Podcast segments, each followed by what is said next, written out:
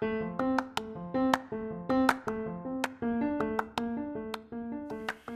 ho, terima kasih karena telah meluangkan waktu untuk mendengar. How was your day? I hope everything's running well. Okay, now it's time to relax, refresh, and recharge.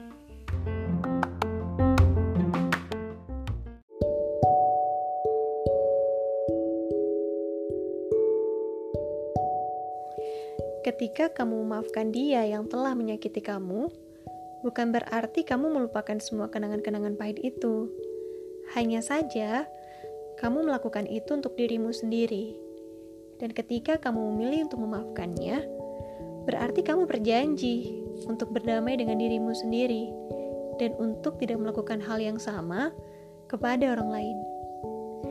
Memaafkan dirancang untuk membebaskanmu ketika kamu bilang kamu memaafkan dia, yang sebenarnya kamu katakan itu adalah, aku tahu apa yang kamu lakukan, dan itu nggak baik. Tapi aku sadar bahwa kamu lebih dari itu. Aku nggak akan nahan hal ini lagi. I can heal myself, and I don't need anything from you.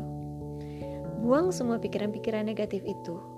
Belajarlah memahami perasaan ketidakpuasan itu, kegagalan, kekecewaan, dan perasaan-perasaan negatif tentang dia ataupun kamu. Belajar dari semua fase itu. Seperti kata Ian Hugen, semua itu sudah diatur alur dan jalan ceritanya. Kita di sini hanya berperan sebagai pemeran utama di kisah masing-masing saja.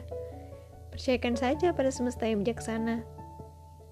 Jadi, semisalnya pun harus berakhir, aku tak akan marah. Begitu juga sedih atau kecewa. Mungkin memang peranmu dalam kisahku saja yang sudah saatnya berakhir. Atau begitu juga sebaliknya.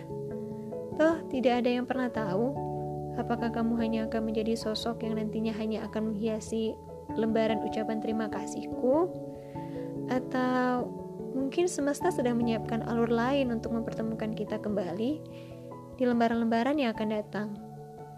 No one knows. Apa pun itu, Aku bersyukur untuk kamu. Aku bersyukur untuk kisah ini.